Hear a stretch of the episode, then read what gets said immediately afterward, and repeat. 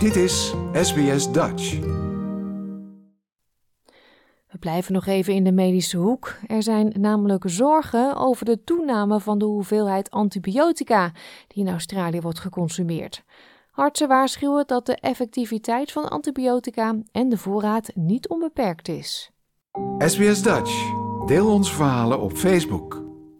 Antimicrobiële middelen zijn een breed spectrum aan medicijnen die bacteriën, schimmels, parasieten en sommige virussen bestrijden. En het gebruik ervan neemt opnieuw toe in Australië. Volgens een rapport van de Australische Commissie voor Veiligheid en Kwaliteit in de Gezondheidszorg daalde het gebruik van antibiotica in 2020. En dat kwam mede doordat we toen te maken hadden met de COVID-19-pandemie en we nog geen middelen hadden om het nieuwe coronavirus te bestrijden.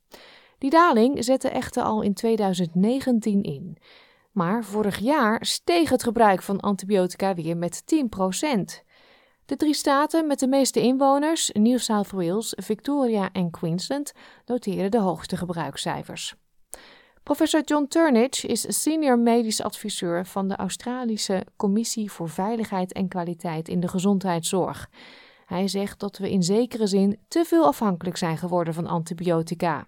Over the 50 years or 60 years since we first had penicillin listed as a miracle drug, we got the idea that antibiotics would treat all sorts of infections. And unfortunately, we got into this vicious cycle where patients expected an antibiotic. Artsen waarschuwen dat overmatig gebruik van antibiotica antimicrobiële resistentie kan veroorzaken. Wanneer iemand een antibioticum neemt, een soort antimicrobiële stof, doodt dat ongeveer 99,99% van de bacteriën. Maar een klein percentage van de bacteriën heeft een natuurlijke afweer. Ze overleven, reproduceren en delen hun resistente genen. Professor Steve Robson is voorzitter van de Australian Medical Association en hij zegt dat naarmate het proces zich herhaalt, de zogenaamde superbugs de kop opsteken. Superbugs are lethal. They take lives of patients in Australia and around the world. We're lucky at the moment we have another uh, a few powerful antibiotics that can help us, but if we lose the power of those antibiotics, we are in huge trouble and people with infections may be untreatable. Professor Robson zegt dat superbugs niet alleen dodelijk zijn, maar ook snel werken. We know that patients can become ill very, very quickly with these multi resistant bacteria.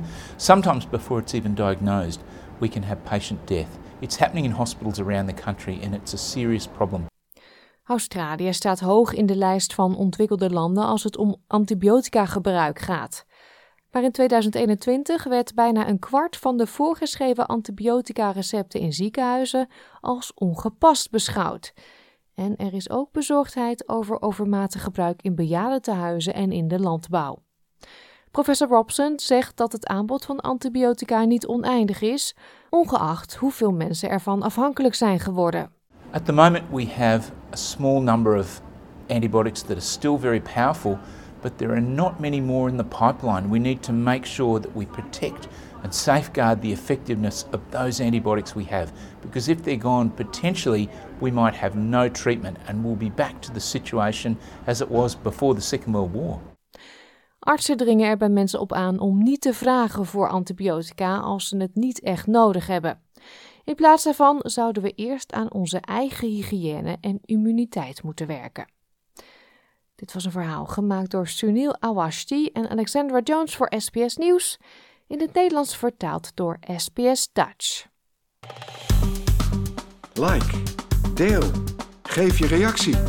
Volg SBS Dutch op Facebook.